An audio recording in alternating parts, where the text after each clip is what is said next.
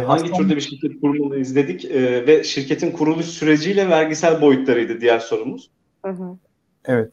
Ee, az önce dediğim gibi yani şahıs şirketi olursa dediğimiz gibi e, gelir vergisi ve e, diğer taraftan kurumlar vergisiyle bir oran var ve ben şu anda izleyicileri dinleyen girişimcileri e, bu 100 bin TL rakamının aklında tutmalarını isterim. E, bu önemli bir değişiklik olabilir.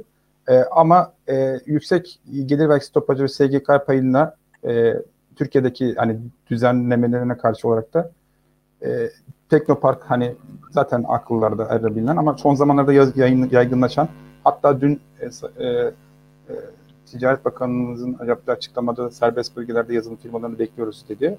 E, bu da inanılmaz bir teşvik çünkü orada e, kurumlar vergisi ve gelir vergisi muafiyeti oluyor yurt dışında çalışan firmalar için.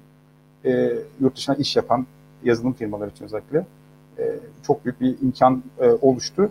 E, hani diyoruz tabii bu yüzde kırklar, yirmilikler çok ağır, KDV'ler çok ağır vesaire ama e, yani teknoloji firmaları bence korkmamalı hani bu anlamda gelişim tarafında çözüm var yani çok rahat bir şekilde var. E, tek Teknopark olsun, serbest bölge olsun, ARGE merkezi, tasarım merkezi olsun. Bunlar e, şu an ekosistem bunu destekliyor ve ekosistemi destekleniyor. Açık bir şekilde destekleniyor ve kolay bir şekilde e, yoruma bırakmaksızın, mal vermeksizin e, kurallarına uyduktan bu teşviklere hak kazanıyorlar.